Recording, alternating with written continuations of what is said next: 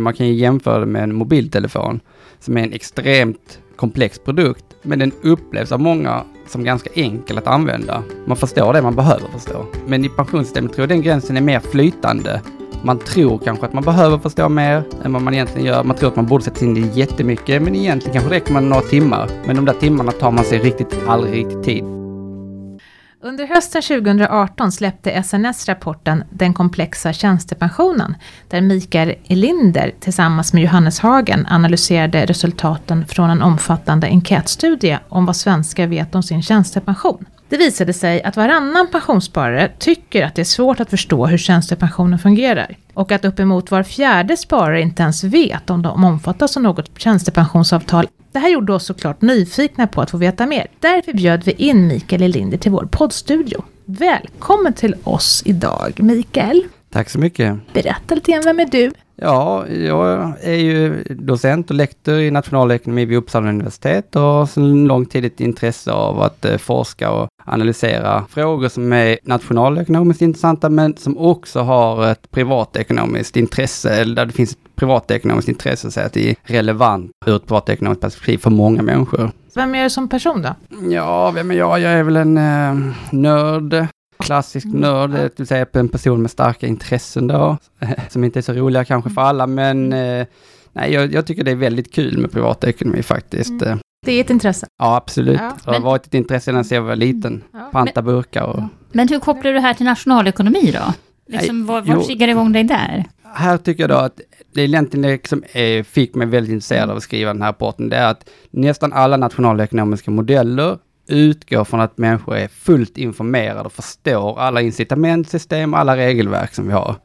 Men det finns ju naturligtvis en bred uppfattning hos många att i pensionssystemet så råder oklarhet. Många kanske inte kan så mycket.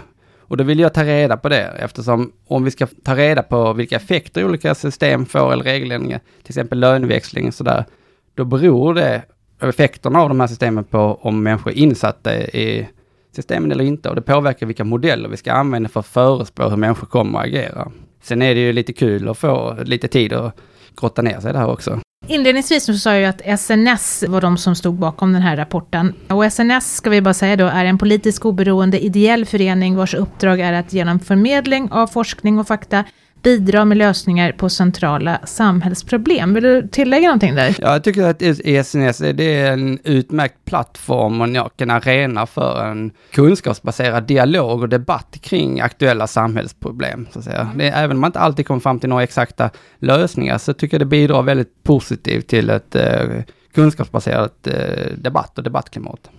Och den komplexa tjänstepensionen heter då rapporten. Mm, mm, på vilket sätt är tjänstepensionen komplex? Ja, den är komplex på många sätt. Det är till och med komplext att säga om den är komplex eller ej. så att eh, den upplevs som komplex.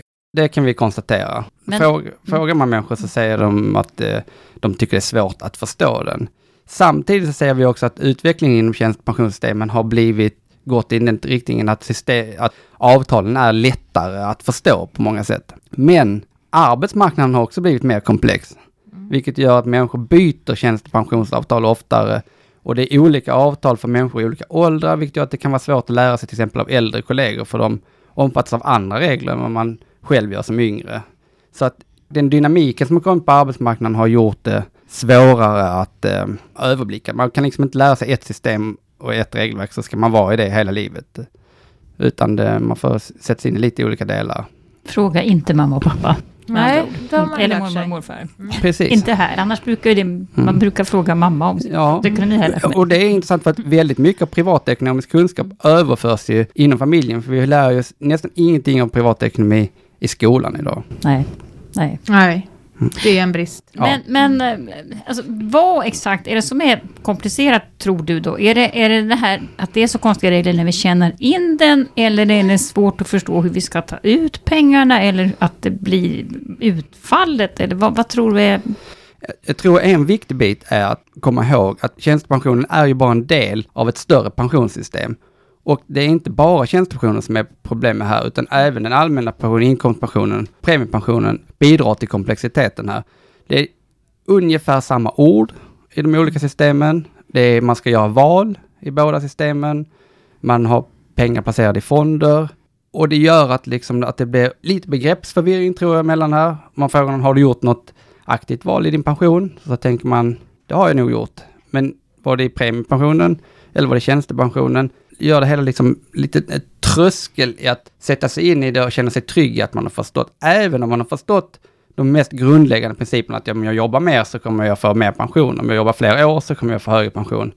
Så är det ändå tråkigt och kanske lite en eh, tröskel för många. Sätter man sig ner till exempel med minpension.se och tittar på det och försöker förstå det så tar det kanske några timmar och sen kan man känna sig hyfsat trygg.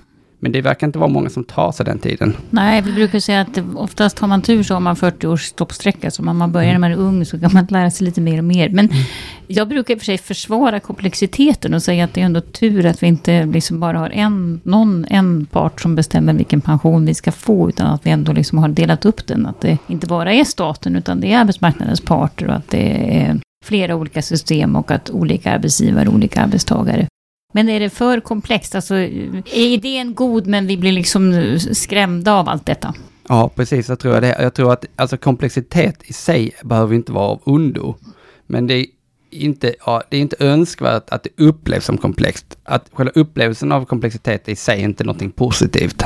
Och det, det var någon som nämnde det för mig, man kan ju jämföra det med en mobiltelefon som är en extremt komplex produkt, men den upplevs av många som ganska enkel att använda. Man förstår det man behöver förstå. Men i pensionssystemet tror jag den gränsen är mer flytande.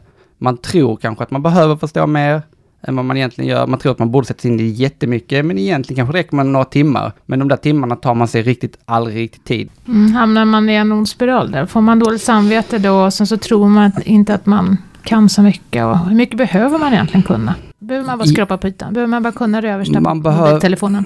Det man behöver göra som jag tycker är själva grunden i allt det här egentligen. Det är ett rimligt råd till människor att ta ansvar för sitt eget liv. För okay. man mm. kan aldrig vara helt säker på att någon annan kommer ta ansvar åt en. Världen kan förändras och att man då tar någon gång, tar sig lite tid att fundera på hur ska jag leva när jag blir äldre? Hur ska jag försörja mig? Vilket liv vill jag leva när jag blir äldre? Är rimligt att sätta sig ner och fundera på. Och först när man har funderat på det kan man ju svara på om jag behöver spara lite extra själv eller om jag, behöver, jag kanske inte behöver spara så mycket själv. Och för då tittar man ju igenom, varför kommer jag få ut i pension från de olika delarna? Kan man göra en prognos på minpension.se? Och så kan man fundera på, är det ungefär så jag vill leva när jag är äldre? Och om jag tycker att det är för lite, då kan man ju passa på att spara lite mer själv. Men tycker man att det känns rimligt, för att man tycker att om att leva eh, i nuet, om man tycker om att eh, spendera tid med sina barn och kanske inte hetsa på sin karriär så mycket, ja då är det, behöver man kanske inte det. Men för att kunna komma fram till det beslutet så måste man ändå fundera i de här banorna. För annars blir det ju en överraskning och den överraskningen kan ju vara att man har jobbat för mycket. Mm. Eller att man har jobbat för lite och därmed får för, lite, för låg pension jämfört med vad man hade trott eller förväntat sig. Man brukar ju säga att unga ska inte behöva bry sig om sin pension och skolan, och så har man så mycket annat att göra och i alla fall så orkar ingen bry sig om pension. Eh, är det dumt att säga så? Borde vi prata mer om det här kanske redan i skolan? Absolut, jag tycker det är fullkomligt eh, självklart att vi ska prata om det i skolan. Och jag tycker att man kan prata om det på ett mycket naturligt sätt. Till exempel så i skolan så pratar man om hur man försörjde sig på vikingatiden i Sverige. Det är också rimligt att fundera på hur försörjer man sig när man har slutat arbeta idag i vårt samhälle som äldre. Utan ättestupa? Ja, och nu ser vi att i genomsnitt är man i dagsläget kanske pensionär runt 20 år, mm. men många är faktiskt pensionärer i 40 år. Det är nästan halva ens liv. Hur, att vi inte idag till exempel i samhällskunskapen pratar ordentligt om det här. Hur lever man som äldre? Hur, hur ser de olika faserna i livet ut? Vad går man igenom? Man har ju barnkunskap och man har eh, familjekunskap på det viset. Och, och sen så har man, är det naturligt att prata om hur man eh, ska klara av både yrkesliv, familjeliv och hur man försörjer sig som äldre. Det tycker jag är fundamentalt. Varför tror du att det inte är så? Jag, jag funderar på, behöver, alltså, är det så att skolan känner att de inte har kunskapen själva? Att vi, att vi i branschen kanske borde stöta på mer? Jag tror så här, att det, detta är min vision eller min tolkning av systemet. Vi har gått från ett samhälle där välfärdsstaten har stått för all trygghet vi behöver egentligen. Det har funnits väldigt få fallgropar och få misstag man kan göra som är ödesdigra. Sen har vi infört mer och mer valfrihet och det har också dykt upp små fallgropar i det här systemet som man behöver täppa till själv med privata lösningar. Och under den här resan då så har, ju, har vi liksom ett skolsystem som släpar efter lite grann. Och då har vi, ligger vi lite, helt enkelt lite back i det. Och då har man, kan man säga också så, traditionellt sett har ju då, som vi var inne på tidigare, privatekonomisk kunskap överförts inom familjen.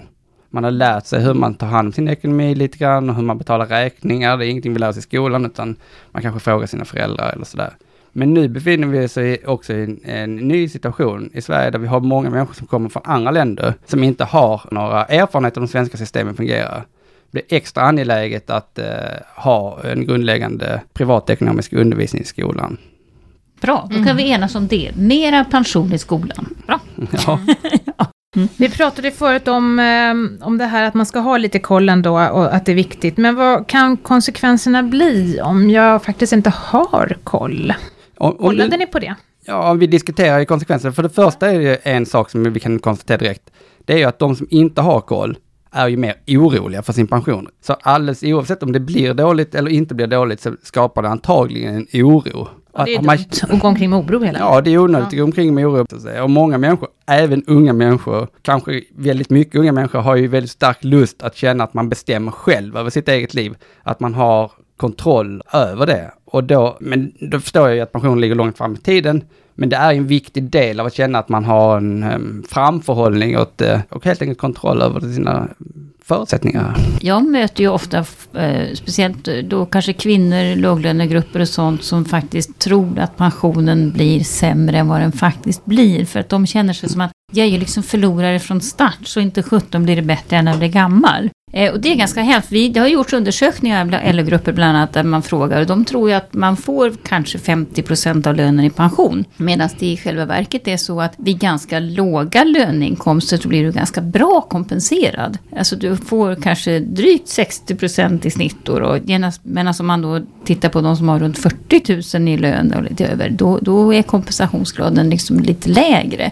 Så det där tycker jag är spännande också. Det finns en anledning faktiskt att titta på sin pension. Du kan faktiskt eh, bli positivt överraskad. Och få bara sticka in kompensationsgrad för de som inte har hört det begreppet ja. förut. Vad betyder det? Förlåt. Kompensationsgrad, det är alltså om du har en lön när du får, om du har 30 eh, 000 när du slutar jobba och sen så får du 15 000 i pension. Då är din kompensationsgrad 50 procent, det vill säga pensionen blir halva lön. Så det är alltså skillnaden mellan sista lönen och första pensionsutbetalningen? Ja. Mm, och den pratar man ganska ofta om i sådana här sammanhang. Och man har ju pratat om vad den var på gamla ATP-tiden och vad den förväntas bli i framtiden också. Så det, det är ett ganska bra begrepp att, att förstå. Mm. Ja, det är ett bra begrepp att förstå, men det är ju också lite missvisande nu eftersom pensionerna sällan har någonting med slutlönen att göra. Nej, jag förstår vad du menar. Mm. Ja. Mm. Så att in, innan var det ju så i det tidigare systemet, eller var det mm. starkare koppling, men mm det är ju relevant att tänka på det i alla fall utifrån för att bilda sin uppfattning om sitt eget liv så att säga, och hur man kommer få det. Ja, jag det... tror inte man ska vara på aggregerad nivå, det förstår nej, nej. jag också, mm, för då blir det mm. lätt fel, speciellt för så många går både från sjukersättning och från mm. arbetslöshet, och då kan ju kompensationsgraden bli förhållandevis hög då, alltså om man jämför ja. pension med a-kassa. Eh, men vi men... ser ju det på min pension, att folk vill ju jämföra sin egen lön med sin egen pension, för att det är ett begrepp man förstår. Absolut. Mm. Och, men det som du är inne på där också, att en del får ju en pension som kanske är högre än de har förväntat sig. Och det är ju precis det som är så intressant, för vi, mm. vi har, kan ha två diskussioner samtidigt. Mm. Vi kan ha en diskussion som säger, där man kan fråga någon vid middagsbordet eller över en fika, har du pensionsspart? Och så svarar man, nej gud, alltså det där borde jag verkligen sätta mig in i. Jag, borde, jag vet jag har så dåligt samvete över det. Ja, jag ska ta tur med det och jag ska spara mer. Okej, okay. en annan dag kan man ha samma fika, så frågar man, har du funderat på att gå ner lite i arbetstid och spendera lite mer tid med familjen och barnen? Och så, Åh nej, men jag vet att man jobbar alldeles för mycket och jag borde spendera mer tid och leva i nuet. Liksom. Men detta är två saker som står bara precis rakt emot varandra. Och båda värde, värdena är ju rimliga. Mm. Och då, det, då, kan man ju faktiskt fundera på vad, vad ska jag göra? Vad är rimligt för mig i mitt liv att göra? Vi har ju pratat en del om livsinkomsten i den här mm. podden just mm. men vi kanske pratar för lite om just livsinkomsten. Vi pratar om pengar här och nu. Jag vet inte, livsinkomst är bra, eller här och nu också intressant, men det, jag tror att det handlar om att för mig så säger jag att det handlar om vad är mina värderingar? Mm. Vad vill jag med mitt liv? Och vad vill jag uppnå och hur kan jag göra det på ett bra sätt? Vad behöver jag kunna för att nå mina mål? När ni gjorde den här rapporten, såg ni att det var skillnader mellan olika grupper, samhällsgrupper? Jo, det, det ser vi och då är den, den största skillnaden är mellan de som tjänar mycket pengar och de som tjänar mindre pengar. Så att de som tjänar mer pengar kan betydligt mer än de som tjänar mindre pengar. Så kan man ju fundera på vad kan man dra för slutsatser ur det? Och det är inte eh, helt enkelt. För det första, de som tjänar mer pengar har ju mer eh, incitament, de har större pensionsavsättningar och sådär. Men sannolikt är de också mer intresserade av pengar rent i allmänhet faktiskt. Mm. Och de som har mindre pengar eller mindre inkomster har inte lika mycket möjlighet att påverka eh, pensionen via då den statliga pensionen och tjänstepensionen. Och kanske inte så himla stora möjligheter att spara heller. Men det innebär inte att man inte ska ta reda på det, för att det är faktiskt ändå värt att förstå ungefär vad som kommer hända och det kan också minska oron. Ja, och sen kan man ju alltid jobba lite längre också om man har möjlighet att göra det. Det är ju ett ganska enkelt sätt att spara, det är ett, eller ett effektivt sätt att höja sin pension faktiskt. Ja, precis. Och där väldigt effektivt och det pratas det oftast om att många kanske då inte orkar jobba så länge, men man måste inte jobba heltid. Nej. Nej. För, att förlänga, för att höja sin pension.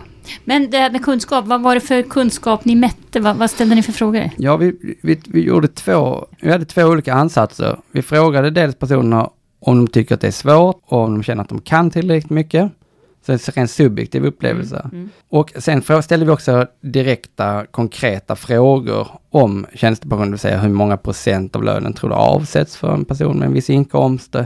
Sådär. Och det kompletterar ju då den här bilden, så vi får också objektiva mått kan man säga på testa man kan svara rätt på mm. faktafrågor. Det är ganska svårt att utforma sådana frågor eftersom det är då olika förutsättningar för många människor. Så att vi tror att de här två ansatserna tillsammans kompletterar ja. varandra ganska väl.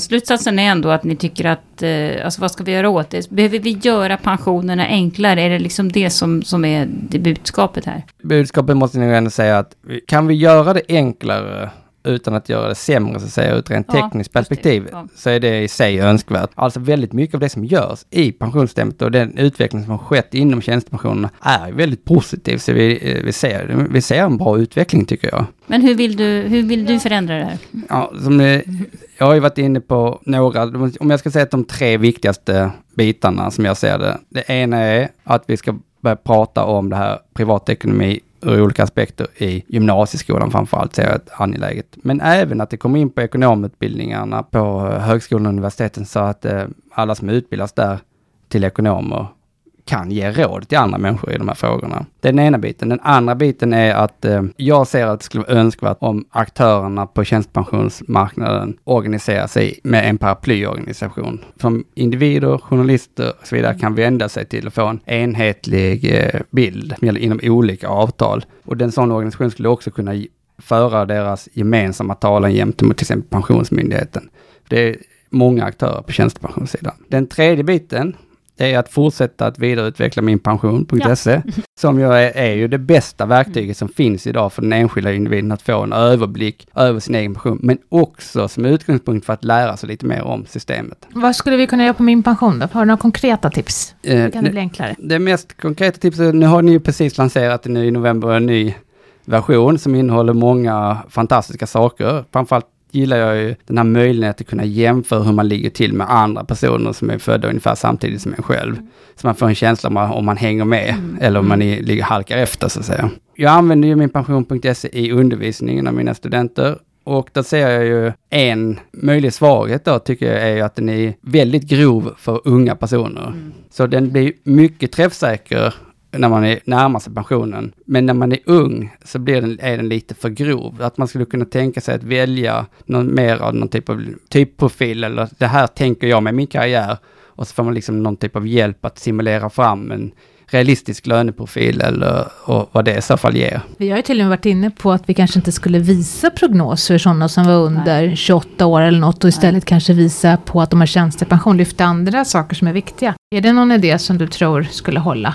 Jag tror att prognoser där man kan eh, välja parametrar mm. lite grann är, är effektivt sätt att lära sig någonting på. Då ser man att det spelar en roll. Sen är det ju viktigt att man inte betonar slutbeloppen allt för mycket så att säga. Men det var ju ganska spännande det där du sa, att man skulle kunna kryssa för en typprofil då. Ja, ja för att, för att man, många har ju en väldigt krokig löneprofilsbana mm. så att säga. Om man har en ingångslön på 22 000 och sen har man en, eh, en eh, lönetillväxt på 3% till exempel, då blir det en väldigt hög lön i slutet av mm. livet. Man får en löneprofil som exploderar ja. snarare än att ja. den har, som de flesta har, kanske höga löneökningar i början av karriären och sen mm. så flackar det ut lite mm. grann. Det spelar ganska stor roll för pensionen och framförallt för när man pratar kompensationsgrad, för man kan ja. få enorma slutlöner. Mm. Ja men det är inte att man skulle kunna ha olika typfall, så här mm. blir det. och det skulle ju faktiskt bli ganska bra pedagogiskt också, tänker jag, att man lär sig vad som är viktigt för pensionen. Nej men precis så. Mm. Ja. För det, är ju jättebra. vår nästa fråga som vi grubblar ganska mycket på. Mm. Eh, när vi möter unga, ibland så säger de oh jag sparar och jag sparar jättemycket för det enda som räknas det är om man sparar, annars blir det ingen pension. Mm. Eh, och andra, pension, typ vad är det? Så vår fråga är egentligen hur ska man få unga människor engagerade och behöver de vara engagerade? Jag tycker jag liksom, ena sidan är ju utbildningen. Och det är lite, där har vi lite tragiskt i den bemärkelsen tycker jag ändå att det är, efter vi väl har slutat vår gymnasieskola eller vår universitetsutbildning så tar vi oss nästan aldrig mer tid till att lära oss någonting som är svårt. Alltså någonting som, vi kanske läser någon populärvetenskaplig bok eller tittar på mm. eh, något eh, dokumentär på tv eller sådär. Eller kanske går någon liten kort endags vidareutbildning som har med jobbet att göra eller sådär. Men annars så gör, sätter vi oss inte in i andra eh, viktiga saker. Men eh, så ser det ju ut i dagsläget. Men när det gäller unga då, så tror jag att idag är den stora utmaningen för de allra flesta unga att ta sig in på bostadsmarknaden mm. och klara av det. Och då tycker jag ändå att fram tills man har etablerat sig på bostadsmarknaden så kan man gärna fokusera på bostadsmarknaden. För att i, i dagens system där man har höga insatskrav och att man har höga amorteringskrav så kan man faktiskt se det som ett pensionssparande också.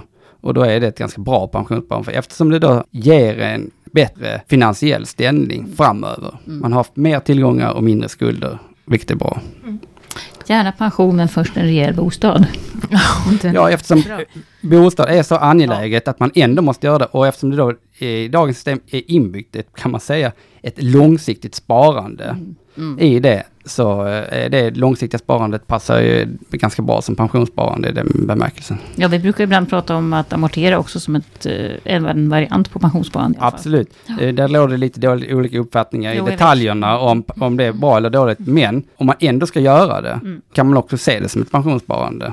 Vi brukar ju framhålla att man ska amortera också, det vill säga att den som tjänar mest ska amortera lite mer, så har man egentligen överfört pension indirekt. Mm. Precis. Du, om man blir intresserad av den här äh, rapporten nu och vill läsa den, var gör man det någonstans? Ja, då kan man, man den? Det kan man göra, men då tycker jag nästan att det är bättre att man går in på SNS hemsida och laddar ner den gratis. Oh, oh så bra. Så, bra. så SNS alltså? Ja, SNS. Mm. Precis, www.sns.se. Jag kan inte ens rekommendera någon att läsa den. det är bra. Det, har, man, har, man den där, har man tre timmar över, det är bättre att spendera dem på min pension. Ja, men den är bra.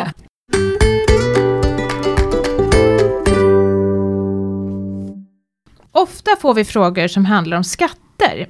Och här är en man som undrar över två saker. För det första så undrar han, finns det fler gränser än 66 år för skatten? Typ 68 eller 69 sådär? Nej, det är väl tur att det bara finns en som det finns. Alltså vid, vid det år man fyller 66, alltså att man är 65 den första januari det året, då händer det grejer på skatteområdet. Det vill säga man får lägre skatt både om man arbetar och om man är pensionär. Men det här gäller alltså bara typ pensionärsskatter och inkomstskatter. Det gäller ju inte för inkomst av kapital och annat. Där finns det inga sådana här konstiga åldersgränser. Och skälet till att det här 66 finns, det grundar sig egentligen i den här diskussionen här politiska diskussionen som har funnits om att det finns en särskild pensionärsskatt. Det vill säga att pensionärerna då inte hade det här jobbskatteavdraget. Och politikerna har då eh, successivt fallit till föga för detta eftersom det ändå finns ganska många pensionärer i väljarkåren. Och eh, hur gjorde man då? då? Jo, man sa vi sänker skatten för pensionärer. Och så sa man inte att det här gäller då inte typ de som har sjukpension och sådana, utan gränsen går då vid 66 år. Vilket får konsekvenser naturligtvis för den som tar ut pension tidigt. Vilket man ju kan göra från 61 år eller 55 år till och med. Då betalar man ganska mycket högre skatt. Eh, faktiskt eh, kan bara flera tusen lappar i månaden i högre skatt. Så man ska tänka på det här. Oj, oj, oj. Men fråga två här då. Gör det någon skillnad skattemässigt om han går i pension när han är 66 och ett halvt år eller om man väntar till dagen innan han fyller 67? Svar, enkelt svar, nej. Nej. Så han kan alltså gå vid 66 och 6 månader? Absolut. Ja, härligt.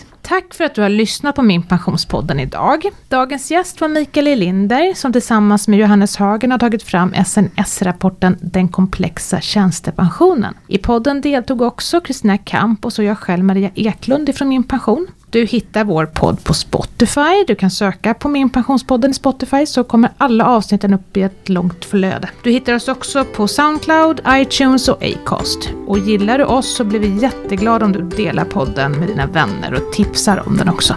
Hoppas att vi snart hörs igen. Ha det bra. Hej hej!